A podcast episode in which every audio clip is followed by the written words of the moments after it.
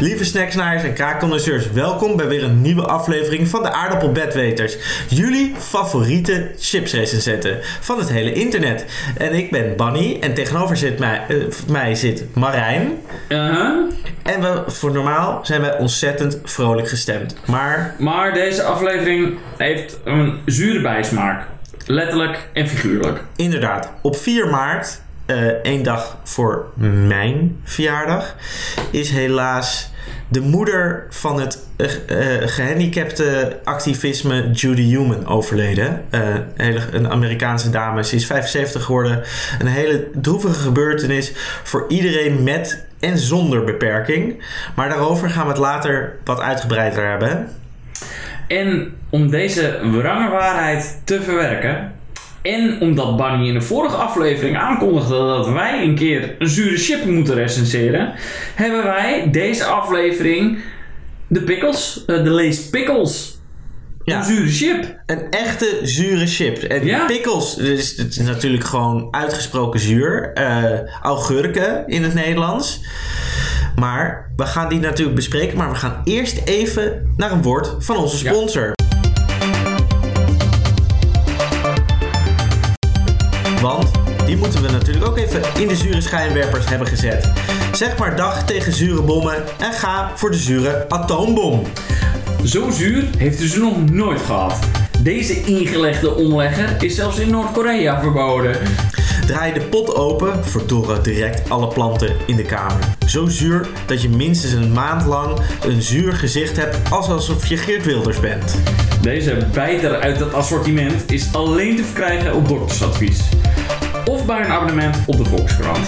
De zure atoombom, wie is er niet klein mee gekregen? Niet te gebruiken in het bijzijn van kinderen of dieren. Inname op eigen risico. Bij contact met huid en of ogen direct 30 minuten uitspoelen met, uitstro- met stromend water en contact opnemen met brandwondencentrum in Beverwijk. En dan is het nu tijd voor de zure ster van deze show. Nogmaals, de lees pickles of augurk. Eh, ik heb dit... Of zo flauw als vlokken verwassen vlas. Ja, we weten nog niet hoe goed die is. Ehm, ik heb deze zak op de kop getikt in eh Belgique. Eh, we hadden laatst al een, een Belgische chips, Ja, twee ja. afleveringetjes geleden. Ehm, daar waren we mild te spreken over. Maar ook dit zakje moest eraan geloven. Ik heb deze nog niet vaak in het Nederlands assortiment gezien in de, in de gemiddelde supermarkt. Jij wel? Ehm, ja, ik heb er eerlijk, moet ik heel eerlijk zeggen, ik heb er ook niet op gelet. Nee. En er- ergens in mijn achterhoofd is er iets van, ja, ja, maar de- de- deze heb je wel al een keer gehad en toen vond je het best lekker. Maar ik heb eerlijk gezegd geen idee. En ik vermoed, lees, ja, dat moet wel gewoon in Nederland verkrijgen, te verkrijgen zijn, toch? Zou Ja, je zou het wel Ja? denken, maar blijkbaar is het niet eh, een smaak eh, gewenst op de Nederlandse markt. Nee, dat kan ja, natuurlijk. dit- Eh, daar gaan wij ook niet De, over. de, de culinaire hotemethode, die hebben besloten dat wij vanaf nu zuur allemaal lekker eh, moeten gaan vinden. Hè? Ja. Vorige keer besproken. Ja. Dus eh, ja, we gaan hem uitproberen. Dus eh, ja, als je het straks zo ziet, wat denk je ervan? Nou, het is een klein zakje. Dat heb ik gedaan omdat ik niet wist of we het lekker zouden vinden. eh, eh, en dit eh, aanwezig was in de Belgische supermarkt. En het scheelde ook weer ruimte in de tas. Ehm, ik, het is eh, groen. Wat ik mis op de verpakking, als ik hem gewoon nu bekijk, is... Mhm. eh, er zit geen enkele pikkel op.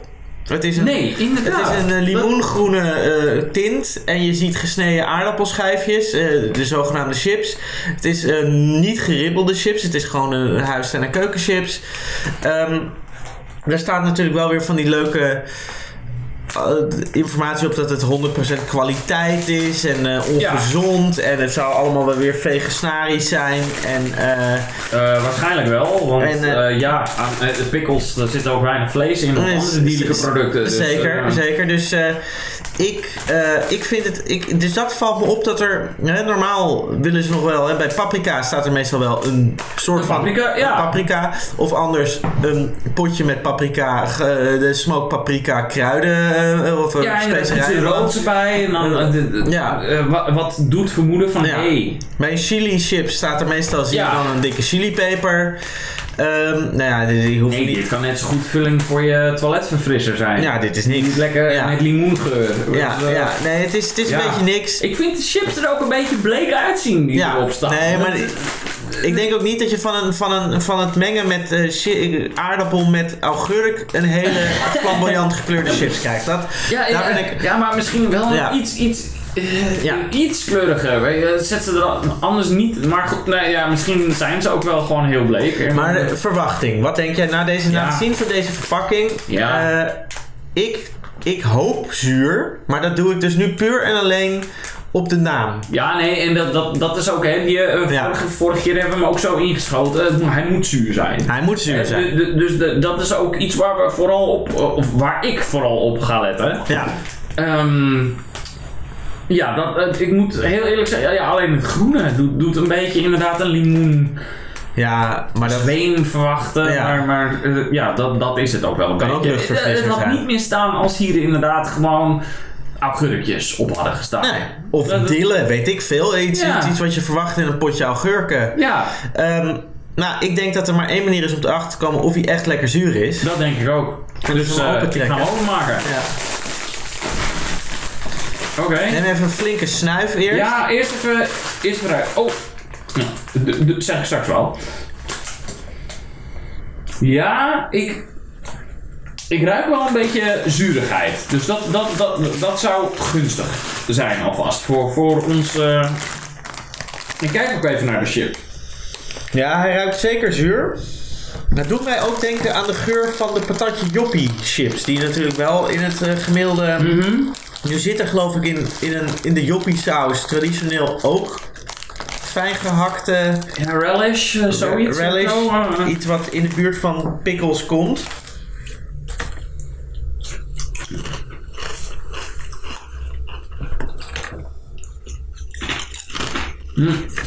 Maar wat ik wilde zeggen over de kleur. Ja. Deze zien er wat geliger uit dan Ja. op de verpakking. Dit vind ik wel een betere kleur. Ja. Eens. Maar goed, om dan even. Hè, op de, oh oh nee, we hebben eerst nog een hele andere lijst die we door moeten nemen. Ehm, Geur. Oh nee, smaak. smaak. Wat vinden we van de smaak? Ik vind hem. Hij doet een beetje denken aan patatje joppie. Ja. Qua smaak. Ik vind hem wel lekker. Ja. Ik vind hem niet heel zuur. Nee. Ik proef wel een beetje dille.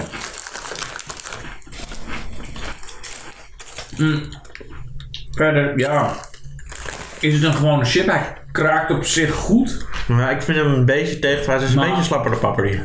Maar Ze zijn een beetje dun.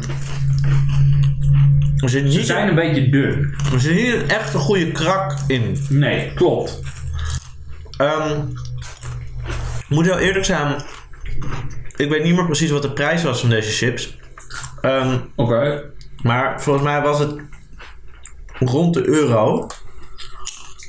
Dus ik denk dat we kunnen zeggen dat het niet een hele dure zak chips was. Oké. Ja. Ik ben. ehm, Ja, ik denk dat ik patatje joppie lekkerder vind. ja, ik denk het ook. Het is een beetje flauwe patatje joppie. En, en ja, ja, hij is inderdaad een beetje flauw, want hij is niet echt zuurig. Nee. Het is een beetje een, een, een, een tamme patatje joppie. Ja, Maar ook dat patatje joppie is een beetje flauw. Dus Ja. dan kan je beter een zak patatje joppie kopen als je denkt, Ja. ik wil lekker... Maar misschien moeten we die proberen eens een keer eh, om te kijken of die zuur is. Dat weet ik niet meer zo uit mijn hoofd. Maar als die een beetje... wat denk je dat dit voor status heeft? Dit? Nou, dit is gewoon... Dit is niet eens net niet. Nee. Dit is gewoon. Oh, ik heb, ik, ik heb wat gehoord. Ik moet chips hebben. Eh, ik, ik, ik luister. Ik ben groot fan van de aardappelbedweters. Ik luister al een podcast. Ja. Ik ga chips kopen. Ja. Hè, want ik, ik, ik doe alsof ik heel erg into chips ben. Ja. En dan koop ik deze. En dan sla je eigenlijk net de plank mis. ja.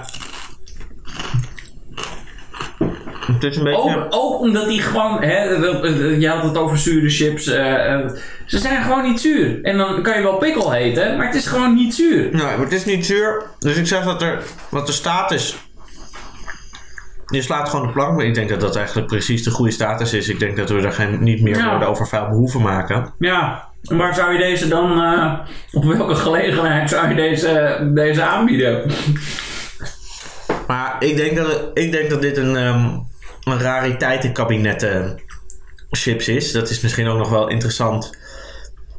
Als we het straks nog over Judy Jongen gaan hebben. Natuurlijk de rol van het rariteitenkabinet en mensen met een beperking. Maar dit is, dit is, dit is de chips die je haalt voor de naam. Dit is niet de chips die je haalt voor de kwaliteit. Inderdaad, dat je denkt van, hé, hey, ik zie lees Ik en zie- ik zie een groene zak. En ik zie oh, dat heb ik nog nooit gezien. Hè? Ik doe eens wat anders, ik Ja. haal deze zak. Het is een soort van uniek, hè? Je had vroeger, toen ik kind was, en waarschijnlijk, jij, was iets ou- jij bent iets ouder dan ik, maar dat, dus jij hebt dit wel, maar jij hebt dit zeker meegemaakt. Kwamen ze op een gegeven moment, kwam volgens mij Heinz met een, met een groene ketchup. Dan hadden ze Ja. groene tomaten Ja. gebruikt. Inderdaad. Maar dat smaakte gewoon precies als. Dat was, dat, dat was, alleen, een, was alleen een esthetische. Dat was een esthetische verandering. Ja, ja, eh, dat je je, friet, dat je je frietje in een groene saus doopte in plaats van een rode saus. Ja, dat, dat, dat, dat, dat groen dat heeft toch een beetje een associatie met, met, Engig, met ja, viezig en, en, en spannend. een beetje voor Halloween. Een beetje voor Halloween. Prima, Ja. hè, leuk, maar, Maar- het is nu al Ja. lang geen Halloween. Nee, maar dit er, je- deze ziet er ook niet eng uit, want de kleur is ook niet spannend. Nee. Maar Nee, volgens mij zien eh, de patatje joppie, die zien er nog iets geliger uit. ja, ik, ehm, ik zeg gelegenheid. Ehm, ja, ik weet het eigenlijk niet. Ja, het is dus het is een beetje. Je wil hem halen omdat je, omdat je het een keer hebt zien liggen. Maar ik raad het dan af. Ik- Ja, Dus ik ga, Ja. nu, ik ga gewoon nu naar het cijfer toe. ja eh, eh, eh, prima, ja. Of naar onze Ja. rating. Hè. Hoeveel zakken geven we dit? Ik, ehm, ik denk. Want ik vind hem niet vies. Maar Nee. ik vind hem niet uitgesproken. Ik vind hem niet interessant. Ik vind hem niet per se lekker ook. Het is gewoon een beetje meh. Dus ik vind een hele beschaafde anderhalve zak. Nee, misschien geef ik hem wel twee zakken. Want ander, ik vind dat als hij echt smerig wordt, dan moet je daaronder gaan zitten. Maar dus ik geef hem twee zakken. Nou ja, eh, eigenlijk precies dat. Ik vind Ja. hem ook niet vies. Ehm, maar ik vind hem ook niet super lekker. Ook niet super speciaal. Dus twee zakken. Ja. ja, als, je, als je voor de patatje joppie kan gaan, neem de patatje joppie. Ja, als je dat lekker vindt. Hè? Ja. Ik bedoel, eh, iedereen heeft natuurlijk recht op Eh, zijn eh, eigen smaak.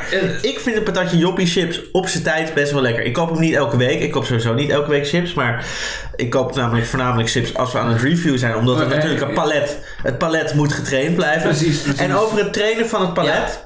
Ik heb wel het gevoel dat we onze luisteraars hebben wij beloofd. Wij gaan naar zure chips op zoek. Wij gaan naar zure chips recenseren.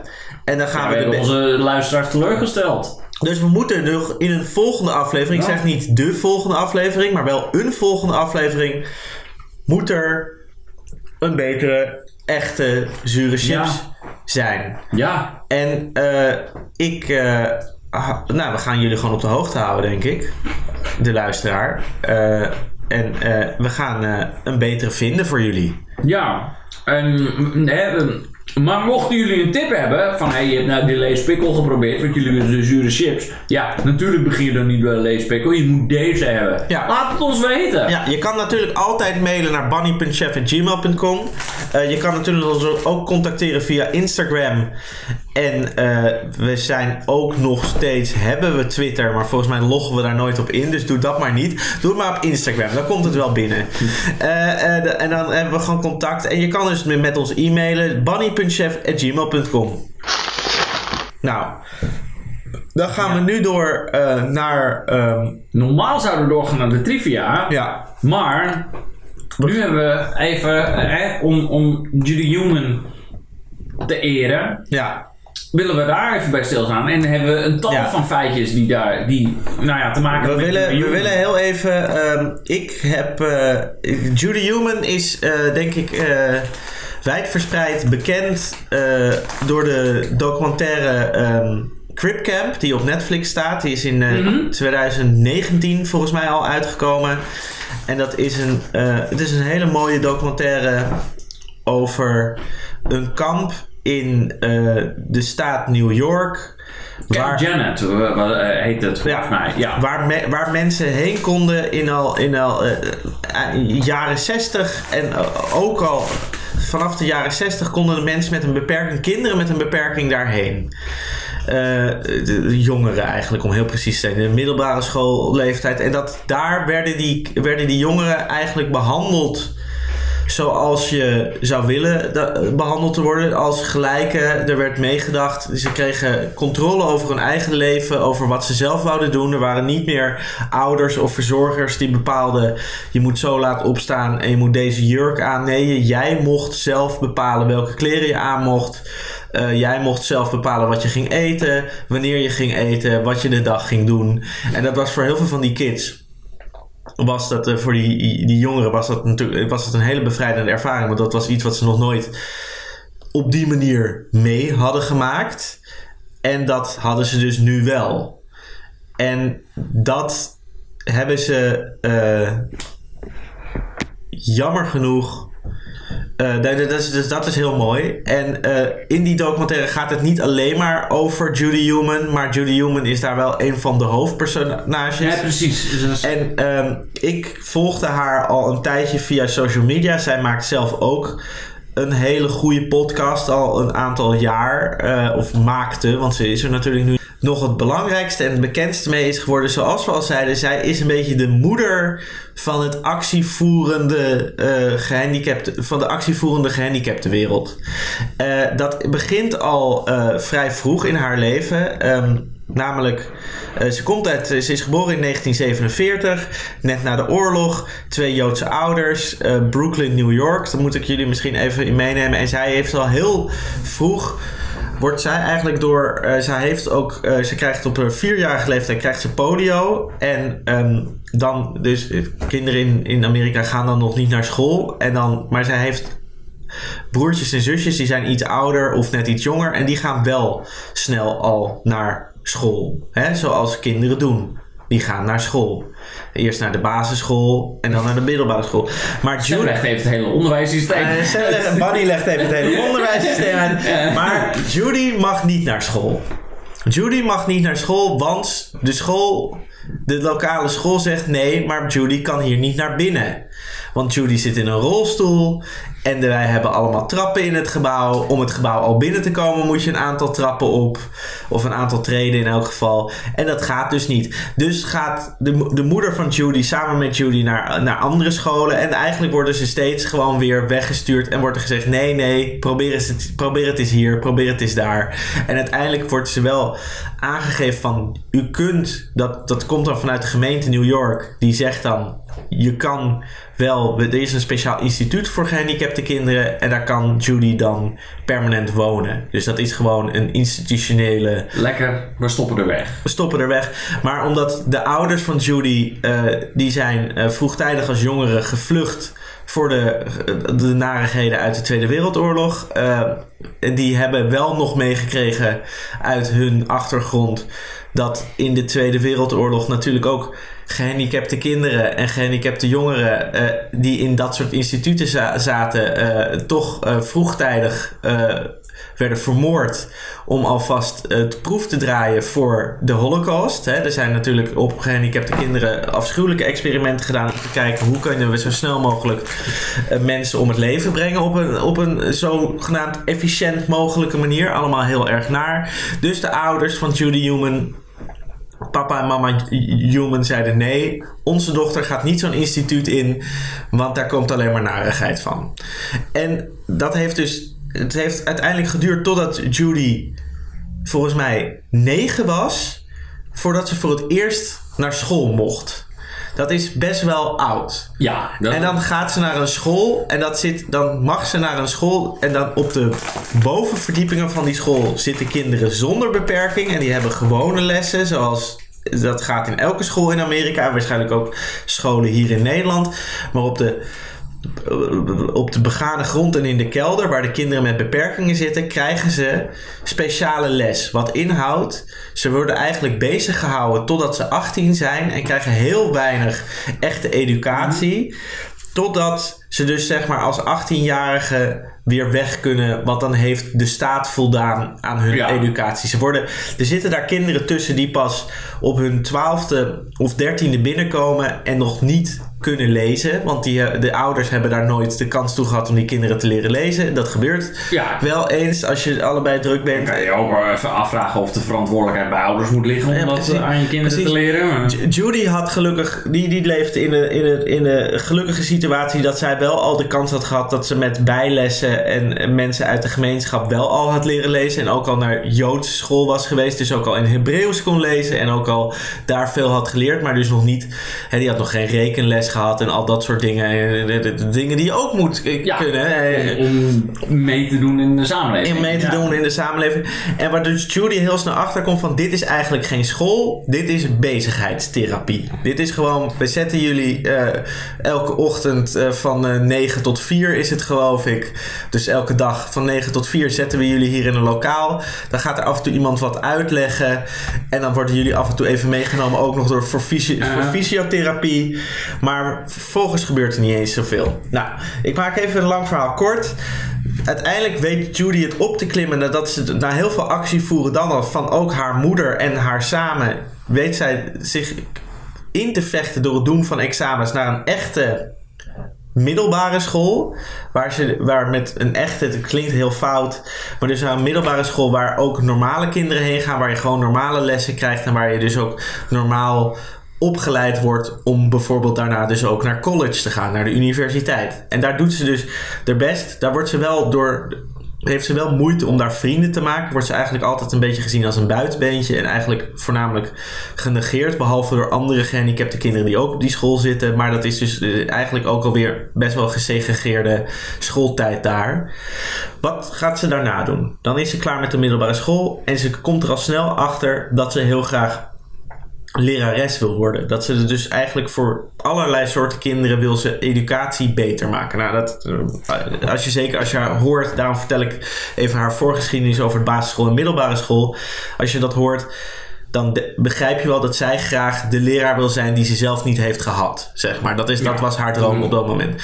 Dus gaat ze naar een speciale universiteit in de buurt, ook in de staat New York, geloof ik, of Rhode Island, maar dat moet u even maar, vergeven. En, en gaat ze daar dus studeren om uiteindelijk les te kunnen geven. En dan wil ze graag lesgeven aan de, aan de kleuterklas. Dat, dat vindt zij belangrijk. Dus de, jongere kinderen vanaf drie, vier jaar. In Amerika begin je iets eerder op school dan in Nederland, blijkbaar. Ehm, en zij haalt dus al haar diploma's. Hè, alle toetsen worden gehaald, alles, alles doorlopen. En ze doet ook stages, dat gaat allemaal goed. Eh, dat allemaal dat voor de wind. Ze krijgt gewoon eh, papieren.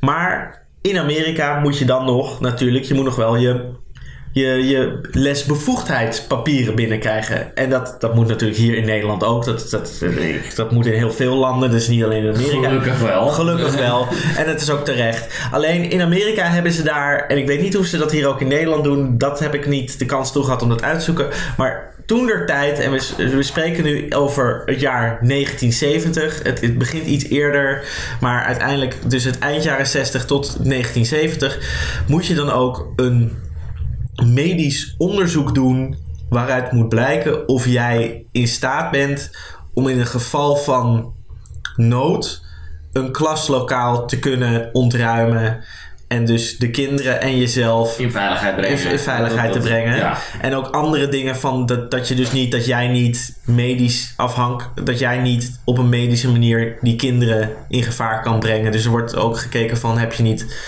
eh, ergens anders nog last van. En zij wordt daarin keihard eigenlijk eh, gediscrimineerd.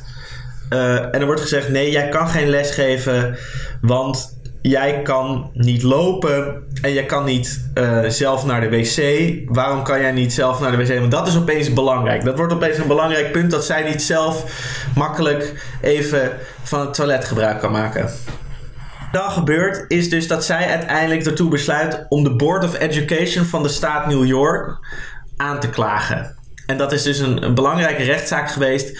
Dus zij zegt: nee, maar ik ben daar wel toe in staat. Kijk, maar er zijn meerdere medische documenten die zeggen dat ik dat wel kan. En er zijn meerdere second opinions van andere artsen die dat wel kunnen. Maar de Board of Education die zegt dat ik dat niet kan. Dus dat is onzin. En dat wint ze uiteindelijk. Dat is een heel gedoe. En dat wint ze. En dus krijgt ze haar officiële eh, documentatie dat ze les mag geven. Dan gaat ze een aantal jaar lesgeven. En daarnaast uh, tijdens dat hele proces, dat proces uh, dat wordt ook groot in de media opgepakt in Amerika door, door de, onder andere de New York Times en ook uh, tv-zenders. en daardoor komen er heel veel mensen met andere beperkingen, andere beperkte mensen die ze ook heeft leren kennen op dat Crip Camp, wat we waar we het eerder over hadden, en ook heeft leren kennen tijdens haar educatie, komen naar haar toe en met ook allemaal voorbeelden van discriminatie, waardoor die mensen worden ook gediscrimineerd. En ze begint zich dus ook groot, dan al groot te maken in haar vrije tijd naast het lesgeven met activisme en ook dus invloed proberen te krijgen op regelgeving, op, op, op, op, op, op, op de regering, op, op, op, op, op board of directors en dat soort dingen om dingen aan te passen. En dan wordt ze op een gegeven moment uitgenodigd om in, San, om in de buurt van San Francisco, in Berkeley, de master te gaan doen. Ze had dan nog geen master. En daar kan ze dan ook meewerken aan het uh, de, Center for Disabilities daar, wat, dus een, wat een grote organisatie was die landelijk keek hoe ze disability beter konden maken met ook civil rights. En, maar ook dus hoe ze konden zorgen dat er meer mensen met beperkingen een goede educatie konden krijgen. Dus daar gaat ze naartoe. Daar wordt ze de director van dat Center for Disabilities. Uh, daar gaat, dan wordt ze uiteindelijk ook uitgenodigd om vaak in Washington mee te werken. En dan gaat ze ook in, het, in de staf werken van een belangrijke senator uit. Die dus in Washington zit. Uh, ik weet even niet meer uit welke staat. Dat doet er ook niet zoveel toe. En dan komt er op, uiteindelijk komt er een moment dat er in Amerika een beetje stiekem door hoge pieven in Amerika een hele goede wet aankomt. Of een hele goede bijvoeging van een wet. En die heet, dat heet Section 504, 504. En daarin staat eigenlijk in dat stukje 504 staat eindelijk een keer opgeschreven zwart op wit dat mensen met een beperking in Amerika recht moeten hebben op een baan, dat ze recht moeten hebben op een educatie, dat je daarvoor niet kan worden gediscrimineerd en dat je dus ook recht moet hebben om bijvoorbeeld ook dat dat public transport, hè, dat uh, openbaar vervoer toegankelijk moet worden. Uh, en daar gaat zij dus zich hard voor maken om dat stukje wetgeving er doorheen te krijgen. Samen met heel veel anderen natuurlijk. Ze doet dit allemaal niet alleen, maar zij heeft daar wel een grote rol in. En wat er dus uiteindelijk gebeurt is dat zij een actie gaan voeren in 1977. Gaan zij een actie voeren in San Francisco. Want de regeringsleiders op dat moment uh, willen, dat, willen die aanpassing nog niet ondertekenen, die, dat stellen ze de hele tijd uit. En die, die, die gehandicapte uh, actiegroepen die worden daar doodziek van, want het duurt maar en het duurt maar en het wordt maar eeuwig uitgesteld. En de ene president zegt ja, ik ga het doen. En dan vier jaar later komt de volgende president binnen en die gaat de volgende het weer doen. En die gaat het toch weer niet doen. Dus wat ze doen over het hele land, in, uh, in Washington DC, in New York, in Denver, uh, op nog andere locaties, Los Angeles volgens mij, maar vooral waar Judy zit, in San Francisco, gaan ze gaan ze overheidsgebouwen bezetten. Zoals, eh, zoals we in Nederland bijvoorbeeld kennen van een maagdenhuisbezetting of van andere grote. Het, het, is, toevallig is het in Nederland vaak, heeft het iets met educatie te maken ook. Maar dus, eh, eh, van, dat is natuurlijk ook, de VU is ook een keer bezet in de jaren 60. En ik, ik, ik weet dat, dat ze dat in Groningen ook een keer hebben gedaan enzovoort. Um, dus ze gaan dat bezetten. Maar dit zijn dus mensen met beperkingen die gewoon eigenlijk dag en nacht hulp nodig hebben om, bijvoorbeeld naar de wc te gaan. Of bijvoorbeeld uh, medicatie moeten nemen. En, en dat moet allemaal maar wel weer, hè, dat moet je maar allemaal bij je hebben voor meerdere dagen. Als je, en toch gaan ze bezetten. En toch gaan ze bezetten. En die andere locaties buiten San Francisco houden er na twee dagen, drie dagen een beetje mee op. Niet San Francisco. San Francisco houden het 15 dagen vol. 15 dagen. Dat zijn twee volle weken en een dag. En dat, dat heeft toen. Waarin dus, dus geholpen moet worden naar het toilet. Je medicijnen ja, moet nemen. Geen bedden, hè? Dit zijn mensen die in speciale bedden moeten slapen, normaliter. Of normaliter medicijnen nemen. Op een gegeven moment mochten, mensen, mochten er hulp, hulpverleners niet meer naar binnen. Waardoor er dus ook geen nieuwe medicijnen meer naar binnen kunnen komen. Want als jij niet naar buiten gaat omdat jij wil blijven, omdat jij aan het mhm. bezetten bent, maar er komen geen komt geen eten meer binnen, maar ook, ook belangrijk, geen medicatie meer binnen. Dan wordt het best wel stressvol voor mensen die Ja. zeg maar al in een penibele situatie zitten met hun lichamelijkheid, zeg maar, of met hun, met hun lichamelijke of geestelijke gezondheid.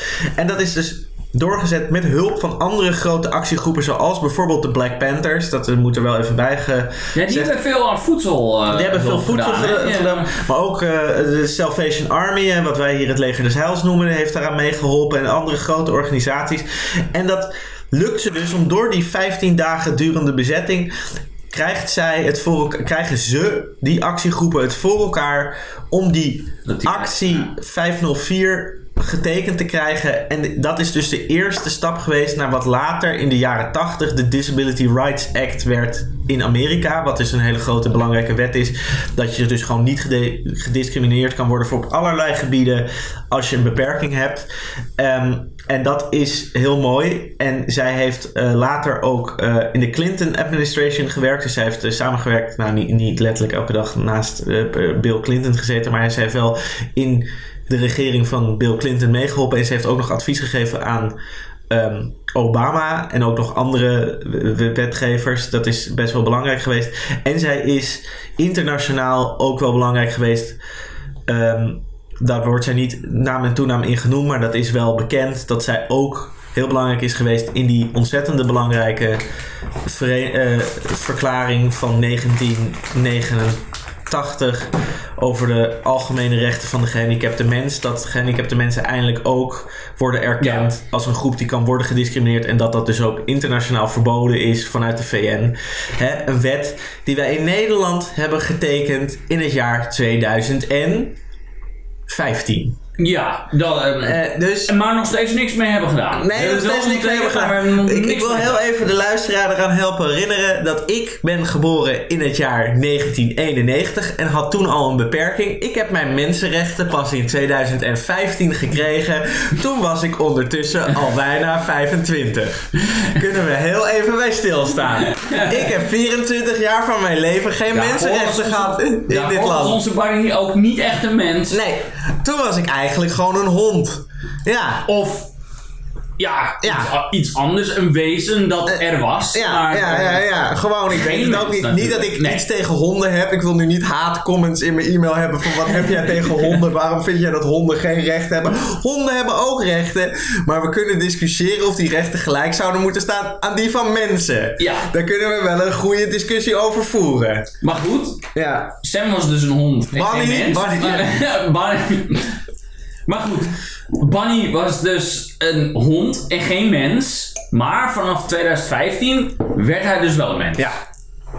Eigenlijk vier ik dan ook eigenlijk pas maar mijn verjaardag vanaf 2015. En kan je Ja. dus zeggen dat ik eigenlijk nu acht ben.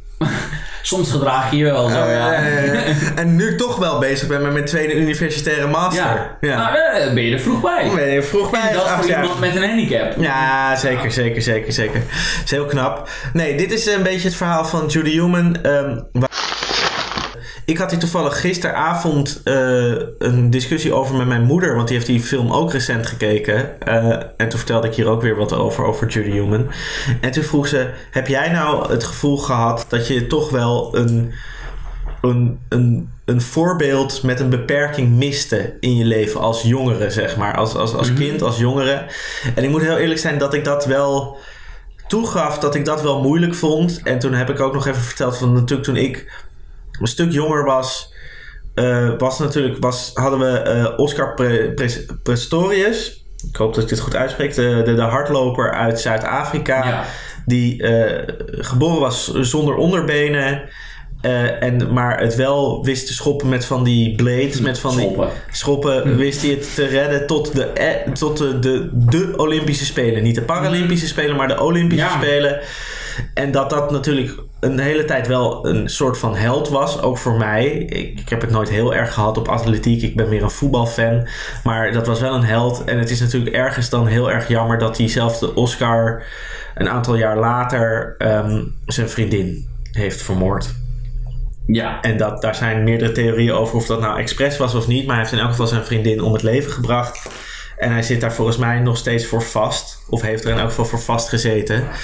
En dat is erg jammer dat, er dus, dat we maar zo weinig helden hebben binnen de beperkingssfeer. Zeker voor de kinderen die natuurlijk geboren worden met een beperking. Of kinderen die het heel jong iets oplopen. Dat er, dat er een baken van hoop is van ik kan ook meedoen in de echte wereld. Zeker als je in een land woont als Nederland, waar we toch heel goed zijn in gesegregeerde systemen, waarin eh, kinderen met een beperking snel in aparte scholen worden gezet, waar je trouwens ook ehm, weinig tot niks leert. Eh, laten we daar eh, geen doekjes om winnen dat je daar, daar kom je niet uit klaar voor de grote boze echte buitenwereld. Daar, daar ga je geen mooie eh, baan tegemoet eh, in het bedrijfsleven of iets dergelijks. Ehm, dus daar is nog steeds, denk ik, wel veel te winnen, ook in Nederland. En ik had me ook na het lezen van deze biografie van over Judy Newman wel voorgenomen dat ik me in het vervolg naast onze comedyactiviteiten, ik ben natuurlijk ook weer aan het optreden en op eh bunnychef.com staat ook nu een lijst met mijn toekomstige eh, optredens zodra ik weer nieuwe data heb. Ehm, eh, Houd het in de gaten dus. Hou het in de gaten dus. Maar ik dacht ook, en volgens mij heb ik jou hier ook laatst iets over zeggen. Misschien moeten wij ook wat meer aan actie voeren gaan doen. Misschien moeten wij ook toch een beetje in de stappen, in de voetsporen van Judy Newman. Nou, ook af en toe eens burgerlijke ongehoorzaamheid. Even voorafgaand daaraan zou Ja. ik eh, jou willen vragen: is er nu iemand waarvan je zou zeggen dat is een soort van rolmodel? Dat vind ik. Dat, nou ja, ik heb nu natuurlijk op het gebied van, van, van, van stand-up en van comedy heb je natuurlijk eh, Vincent Bijlo, eh, die ik altijd heel tof heb gevonden binnen de Nederlandse scene. Dat is denk ik wel een goede om te noemen. Maar ja, maar die is niet, tenminste, de- als ik even voor mezelf, die is niet Heel- heel, erg zichtbaar of zo. Eh, Even, eh, de- pun not intended. eh, Ja. Eh, maar eh, die is niet direct meteen, eh, meteen heel, heel zichtbaar. Nou is het natuurlijk ook zo, ja, als je als klein kindje bent, waar hou je dan van? Nou ja, kle- kleine jongetjes, waarschijnlijk voetbal. Ja. er is niet echt een voetballer met... Nee, nee, nee, nee dat, is, dat is natuurlijk niet. Het is natuurlijk ook wel schandalig dat bijvoorbeeld Nederland. er is gewoon tijdens de Paralympische Spelen. is er ook gewoon een. ehm, eh, een toernooi. Hè? Er zijn er voor verschillende beperkingen zijn er verschillende sportieve activiteiten. hè? Mhm. Dus er zijn verschillende vormen van voetbal op de Paralympische Spelen. Maar het Paralympisch eh, Nederland, of de KNVB, is gewoon gestopt met het ondersteunen van het Paralympisch eh, CP voetbalteam. Een aantal jaar geleden. Ja, want eh, jij hebt wel gevoetbald toen je... ik heb, ik heb gevoetbald. Ik heb ook nog wel een keer auditie gedaan voor een jeugd G-team van de KNVB. Dat kunnen we op een, andere manier, een ander moment wel een keer over, dis- over vertellen. Eh, ik zit nu hier en ik sta nu niet op een voetbalveld. Ik denk dat dat Nee. ook wel genoeg aangeeft. Maar ik had zeker voor, voor de beperkingen die ik heb, letterlijk en figuurlijk, had ik zeker wel. ik, ik kon wel een redelijk balletje trappen op, een, op, op, op, het, op het G-niveau. Ehm, dus maar dat is dus jammer dat we dus dat soort. Hè, ik, ik, ik, ben groot fan van het feit dat we nu het, eh, het, het vrouwenvoetbal groter uitlichten. Ik, ik, ik, ik vind dat. het- Ja, dat is een aantal weken geleden was het groot in het nieuws dat ze de klassieker, die nu eindelijk gespeeld kan worden, de, de vrouwenklassieker, ook in de arena werd gespeeld. En dat zat de arena ook goed vol. Ehm, Dat is mooi. dat ja. is mooi, maar ik zou dat, dat soort dingen met bijvoorbeeld G-voetbal. ehm, nu vind ik die G, dat staat natuurlijk voor gehandicapten. En dat is, dat is misschien niet de de letter die, die, die nog helemaal hip is op dit moment. Maar dat zou wel moeten. En ik, bijvoorbeeld, ik vind nog steeds, en daar zouden wij met z'n tweeën nog een keer over na kunnen denken. Eh, hoe Nederland bijvoorbeeld omgaat met de Paralympische Spelen en die, die uitzendrechten eh, die de NOS daarvan heeft. En hoe je dat bijvoorbeeld ook ziet, hoe ze dat in beeld brengen in, eh, in het Verenigd Koninkrijk, in, in de UK. Daar zitten wel werelden van verschil in. Daar worden er speciale programma's met comedians, met mensen die er veel van af weten. Worden er eh, oud-Paralympiërs, huidig Paralympiërs op primetime televisie geïnterviewd. In Zeg maar wat wij gezet. hebben als het Nederlands elftal Ja, speelt. ja, maar ook tijdens de gewone Olympische ja, Spelen. hè, als eh, Pieter van der Hoog. Ja, sorry, ik ben nooit zo goed in Olympische Spelen eh, sporters. Maar eh, heet- eh, de Daphne Vissers, dat is toch die die, die, die ook gouden medailles op de 100 meter pakt met rennen. Met, eh, met hardlopen, pardon. Eh, Die, die zie je weinig. Die, die, die zie je veel bedoel ik. Die komt, hè, dat komt gewoon op primetime Ja. televisie. Zie je gewoon interviews na zo'n wedstrijd. En zie die komt ook daarna nog gewoon op de televisie. En, die wordt ook, en dat wordt ook uitgezonden als die dan weer terugkomt vliegen. En als we natuurlijk een gouden Ja. plak pakken Ja. met het zwemmen, wordt het ook weer uitgepakt. En natuurlijk met het schaatsen. Met het schaatsen wordt het groot aangepakt. En dit is allemaal naast voetbal. Want voetbal krijgt sowieso al heel veel aandacht. Dus daarmee Ja. dingen vergelijken is een beetje oneerlijk. Maar ehm, bijvoorbeeld heel weinig mensen in Nederland weten wie Malou van Rijn is. Malou van Rijn die is ondertussen gestopt. Want die is ook alweer wat ouder. Die is op mijn leeftijd. Iets, volgens mij. Of misschien iets Ja, ouder. dat, dat, dat is onze... Ja. eh, Para- ja, niet, Paralympisch niet Oscar Pistorius. Nee, want die heeft gelukkig wel iemand doodgemaakt. doodgemaakt. Maar, maar die, die heeft wel die heeft, die heeft gouden plakken gepakt. Op, de, op, de, op, op, op Paralympische Spelers. En Ja. die is zelfs nog divisie hoger gegaan. Hè? Want die, die, die mist twee onderbenen. Eh, maar die deed mee in de competitie voor mensen die maar één onderbeen missen. En dat is een gradatie moeilijker, lastiger. Daar worden dus ook hogere tijden in gerend. En heeft ze alsnog gewoon gouden en zilveren plakken ingescoord. Dus dat is, die, die, die, die deed niet mee voor de grap, zeg Ja, maar. de- eh, dus het is ook niet dat het saai is om naar te kijken. Nee, nee, het is zeker niet saai. En het is gewoon erg... Heb je, eh, even, volgens mij heb ik het wel eens een keer gezegd. Maar Ja. heb je wel eens rolstoel rugby gezien? Rolstoel Dat is rugby. nog, dat, dat Ja. is echt, nou dat is gewoon kooivechten. Eh, eh, kooivechten. Ja, is, daar, trouwens, kunnen we ook nog wel even. eh, of ik weet niet of je die documentaire ergens nu makkelijk online kan terugkijken. Maar Murderball, dat is daar een documentaire over. En die heb ik ook ooit gezien. Dat is best, wel een oude documentaire. Eh, Dat moet ik eens, komt wel echt uit het begin jaren 2000. Eh, dat is een hele mooie docu daarover. Over de rolstoel rugby. Eh, dit, dat eh, raad ik iedereen aan om die eens te kijken. Want dan krijg je heel veel respect voor ook die vorm van sport. Dus de afgelopen twee dagen zijn er een aantal vervelende nieuwsberichten uitgekomen. Ten eerste eh gisteren, dus dat, dan hebben we het over 14 april en het is nu 15 april, kwam het nieuwsbericht eh, tot ons dat eh, steeds vaker zorgverleners, en dan gaat het vooral over fysiotherapeuten en dat, dat soort zorgverleners, ehm, om een extra bijdrage vragen naast hetgeen wat al wordt vergoed door de, eh, eh, de, door de verzekering. En dat willen ze dan ook vaak in cash. En dat, eh, dat soort dingen, mensen met beperkingen zijn natuurlijk heel erg afhankelijk van dit soort zorgverleners. Die gaan vaker naar een fysiotherapeut dan mensen zonder beperkingen. Dus Ja. als je dan dus elke keer weer wordt gevraagd voor een cash extra bedragje even te overhandigen, omdat zogenaamd de zorgverzekeraar niet meer genoeg betaalt en de inflatie en dan worden er smoesjes. De, de, de, de, de, ik heb hier zelf geen last van. Ik ga zelf wekelijks naar de fysiotherapie. Jij gaat ook vaak naar, volgens mij ook Ja, wekelijks naar de fysiotherapie. Klopt. Ik heb deze vraag gelukkig nog niet gehad. Nee, ik ook Volgens niet. mij, wat ik ervan begreep, is het ook pseudo-illegaal of wordt dat niet het zijn malafide praktijken. het zijn malafide praktijken. eh, En er worden smoesjes aangehaald van dat je dus zogenaamd omdat de ver- verwarmingskosten te, eh, te hoog worden eh, en dat soort dingen, dat dus daarom de, de, de fysiotherapiepraktijk de, de, de, de, de, de zalen niet meer, de, de, de ja, zalen, ja. de ruimte niet meer op kan warmen of zo. Dus dan moeten ze nog eh, moeten ze jou extra voor belasten. Nou, dat is natuurlijk onzin. Eh, maar dat, is, dat raakt mensen met een beperking wel heel erg. Ja. En dat, daar zouden we wel bozer over mogen zijn. En er moet, vind ik, ook wel wat aan gedaan worden. Dit soort, dit soort praktijk, dit, dit soort ondernemingen die zich hier schuldig gaan maken, moeten natuurlijk keihard worden aangepakt door de ministeries die daar en de, en de, en de organisaties die daarover gaan. En daarnaast is natuurlijk vandaag is mij ter oren gekomen. En dat is minder malafide, maar wel heel erg jammer. Dat er gewoon uit onderzoek blijkt. Hè, er zijn in Nederland eh 120.000 mensen die gebruik maken van een persoonsgebonden budget. Dat is eh, een bedragje wat je krijgt van de Sociale Verzekeringsbank. eh, na aanvragen. Dat is een hele papierwinkel die je daarvoor door moet lopen. Dat is niet iets wat je over één nacht ijs toege- toegeschreven kreeg. Klopt.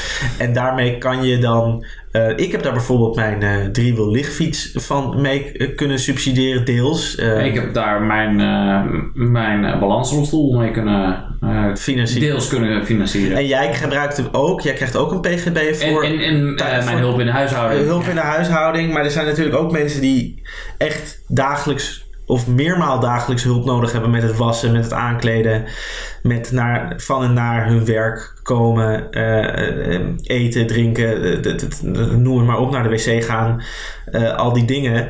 En wat nu blijkt is dat ehm, de zorgaanbieders, dat zijn vaak ZZP'ers, die willen, die kunnen eigenlijk niet meer rondkomen van het bedrag wat de PGB daarvoor voorschrijft. Er groeit nu iets scheef. Zij, willen, eh, zij, willen, zij hebben een hogere looneis dan wat de PGB kan bieden.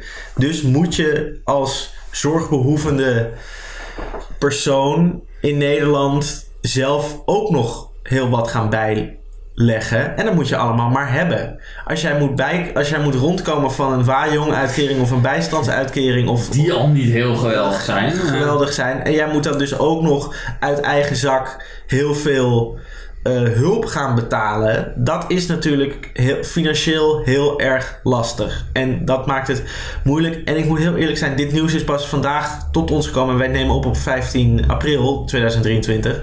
En dat is een zaterdag. Voor de duidelijkheid. Eh, dus ik, we hebben, ik heb hier nog niet reacties van gezien van de mensen die hierover gaan, een directeur van de Sociale Verzekeringsbank, eh, een minister van, van de sociale, sociale Zaken, daar heb ik nog niks over gehoord. Uh, maar ik heb wel weer, ik vind het altijd bijzonder dat dit soort nieuwtjes altijd tot ons komen op de zaterdag.